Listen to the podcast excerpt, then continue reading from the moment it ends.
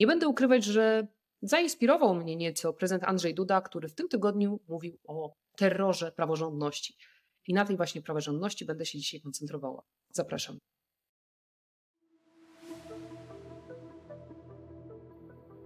Witam Was w Brief 460. To krótsza formuła mojego podcastu, w której omawiam dla Was najważniejsze wydarzenie polityczne tygodnia oraz jego krótko i długoterminowe konsekwencje. W tym tygodniu w polityce bez zmian, to znaczy wysoki poziom emocji, bardzo dużo się działo i sądzę, że musimy się trochę do tego przyzwyczaić, bo to jeszcze potrwa. Praworządność była w ostatnich latach na sztandarach debacie publicznej. To znaczy, komentatorzy dyskutowali o znaczeniu praworządności, oczywiście nie bez przyczyny.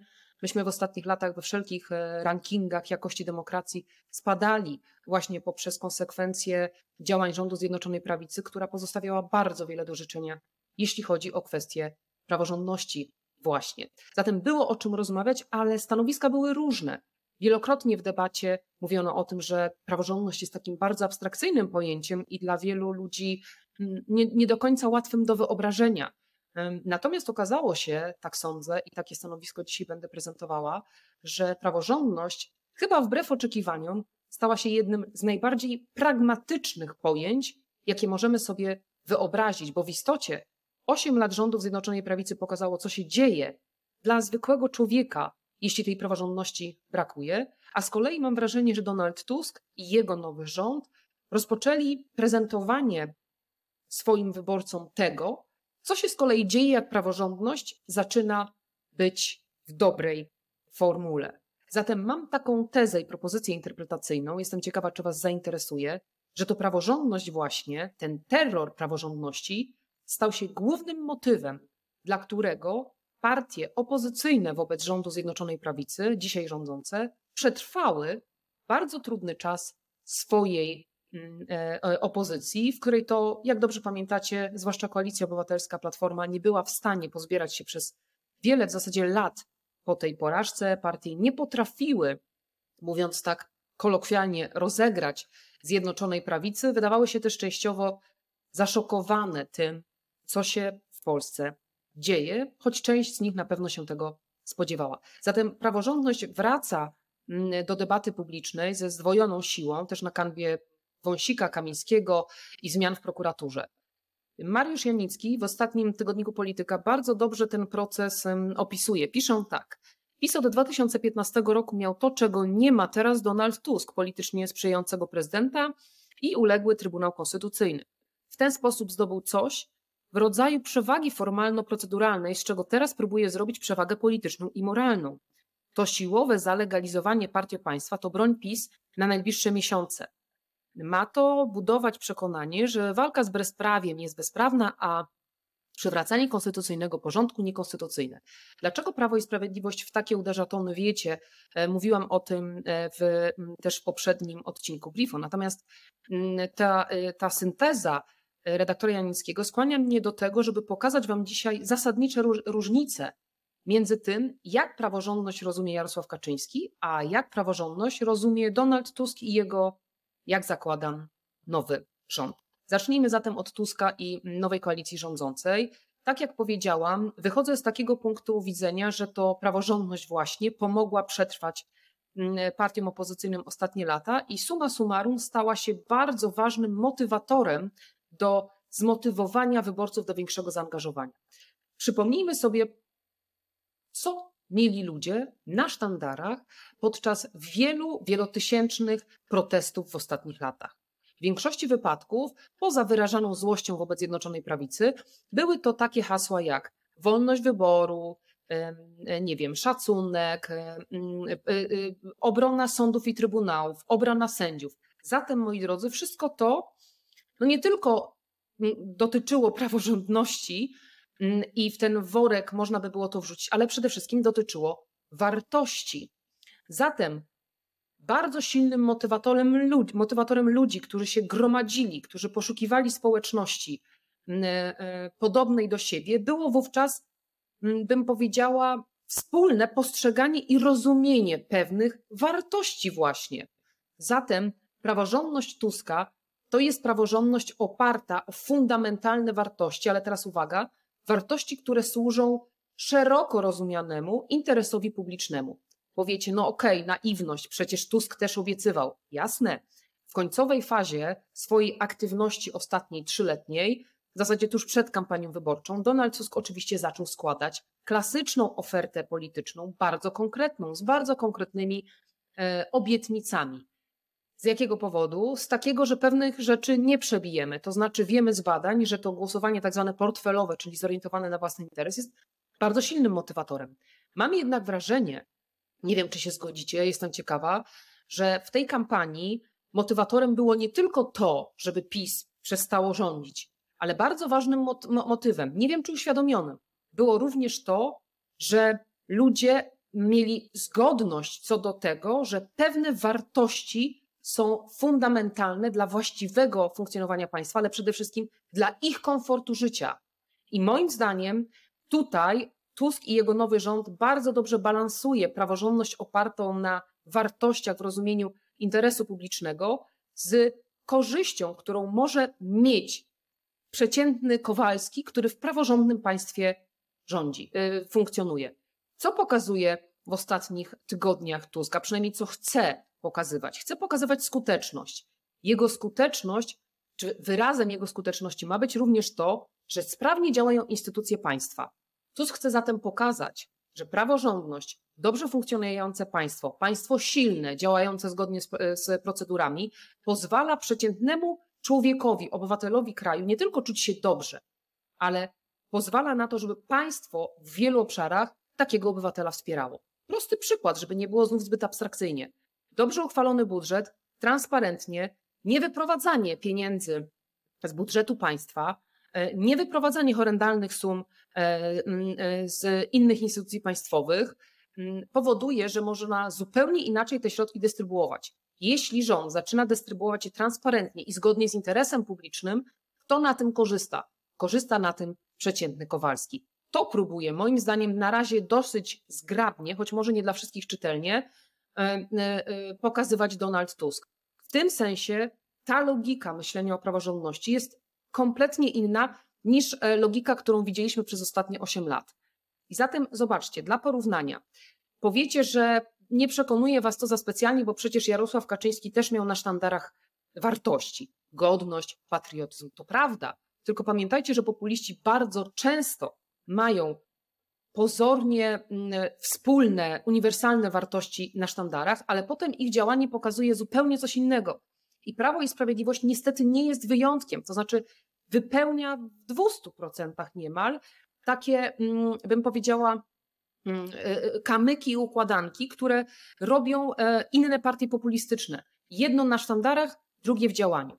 Zatem tym, co charakteryzuje praworządność w rozumieniu Zjednoczonej Prawicy w trakcie trwania ich rządów, to przede wszystkim kwestia połączenia pewnych wartości na tych sztandarach z bardzo szybko, z taką bardzo prostą transakcją, bardzo prostą i krótkoterminową w istocie. Dlatego, że zaplanowany skądinąd na podstawie słusznej diagnozy program społeczny 500 de facto dał bardzo krótkoterminową korzyść. Zwróćcie uwagę, że proponowanie silnego państwa daje jednak jednostce w perspektywie o wiele perspektywie dłuższej o wiele więcej. W każdym razie praworządność wykonania populistów, i tak też było w przypadku Prawa i Sprawiedliwości, zwykle jest praworządnością, która jest zinstrumentalizowana i bardzo transakcyjna. Transakcyjna w tym sensie, że dajesz w gruncie rzeczy niewiele, zwłaszcza jak spojrzymy teraz na wypływające informacje o, o tym, co się działo w spółkach Skarbu Państwa, ale wypracowujesz ogromną zależność, a skoro zależność, to w pewien sposób też lojalność. Tylko zwróćcie uwagę, Prawo i Sprawiedliwość pokazywało mm, taką dosyć pokrętną logikę. Z jednej strony Jarosław Kaczyński często mówił o państwie, o silnym państwie, prawda, o wstawaniu z kolan, ale z drugiej strony wszystko, co się zadziało jeśli chodzi o instytucje państwowe, w istocie to państwo bardzo nadwyrężyło i naruszyło jego siłę. Dlaczego?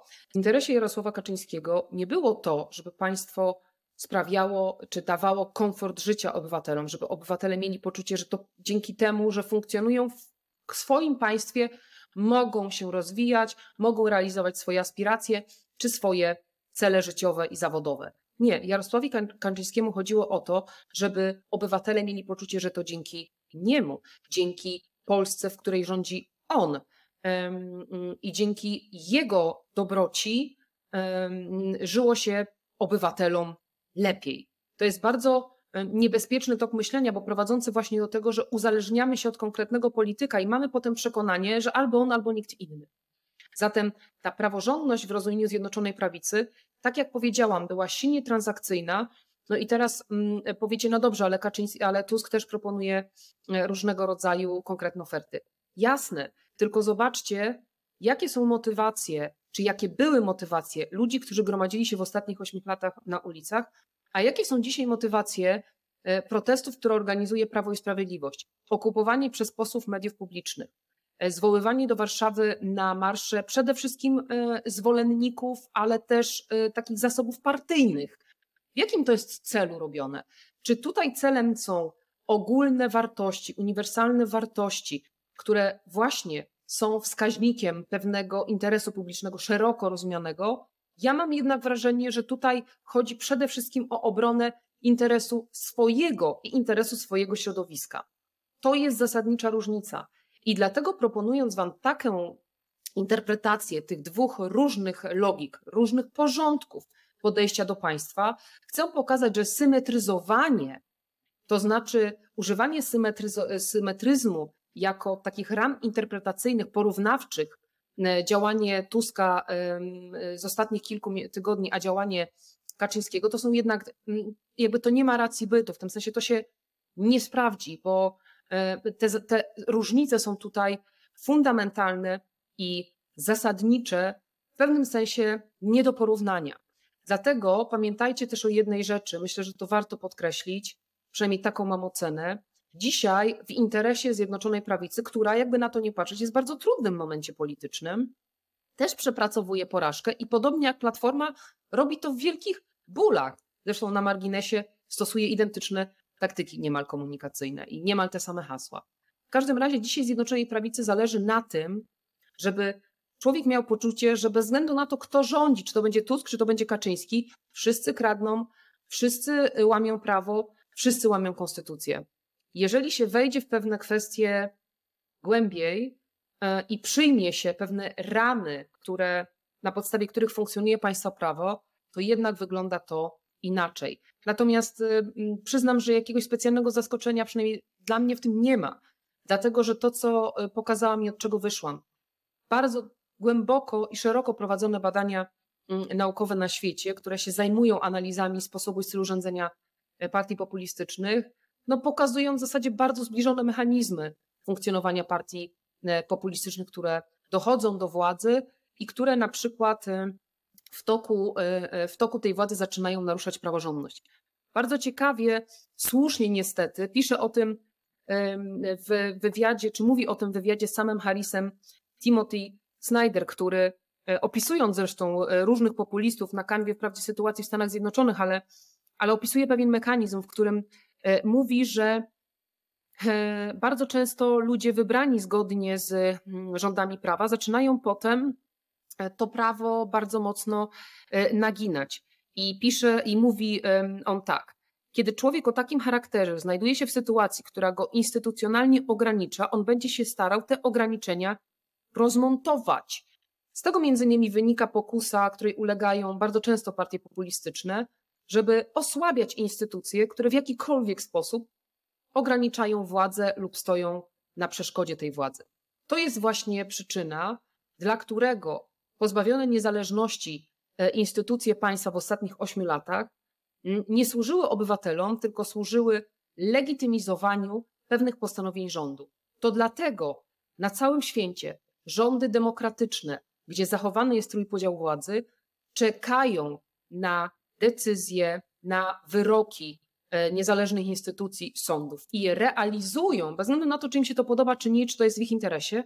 Natomiast partie populistyczne, które mają jeszcze różnego rodzaju zakusy autorytarne, używają tych instytucji poprzez ograniczenie ich niezależności do tego, żeby te legitymizowały prawne działania takich rządów. Czy nam się podoba, czy nie, to są mechanizmy, które naprawdę potwierdzone są naukowo. Zatem trzeba wyciągnąć wnioski z ostatnich ośmiu lat Te wnioski muszą wyciągnąć politycy i miejmy nadzieję, że politycy nowego rządu takie wnioski wyciągnęli. Te wnioski muszą wyciągnąć media i te wnioski muszą wreszcie wyciągnąć obywatele, ponieważ to od tego, co my mówimy, czego oczekujemy i co mm, i jak weryfikujemy polityków, zależy, co oni będą robić. Pamiętajcie, chyba już kiedyś o tym mówiłam, polityk nie posunie się dalej, niż pozwoli mu na to jego wyborca. I e, myślę, że to jest taka najważniejsza myśl, która powinna nam przyświecać w weryfikacji, ocenie i analizowaniu tego, co politycy robią, wszyscy politycy. Zatem trzeba się z uwagą przyglądać, jak będą wyglądały te najbliższe miesiące i lata e, również nowego rządu, żeby nie umknęły nam e, najważniejsze z punktu widzenia naszego funkcjonowania sprawy, bowiem jak się okazuje, praworządność jest arcypragmatycznym pojęciem.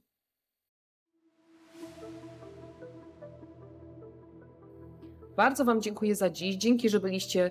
Dzięki za Was, za Wasz e, czas. Piszcie oczywiście, czy Was przekonuje ta interpretacja. Jeśli macie inne zdanie, to chętnie poznam e, Wasze, wasze argumenty. Zawsze chętnie czytam i staram się oczywiście na Wasze komentarze e, odpisywać. Zapraszam Was już dzisiaj na kolejny odcinek Brief 460. Jeśli Wam się podoba kanał, oczywiście subskrybujcie. Zachęcam też, dołączajcie do naszej społeczności na Patronite. Jednocześnie niezmiennie podziękowania kieruję do wszystkich moich patronów, w szczególności Hemarauto Bosch Service i Michała Szymanderskiego-Pastryk. To dzięki Wam mogę pracować nad tym podcastem. Dzięki, do usłyszenia.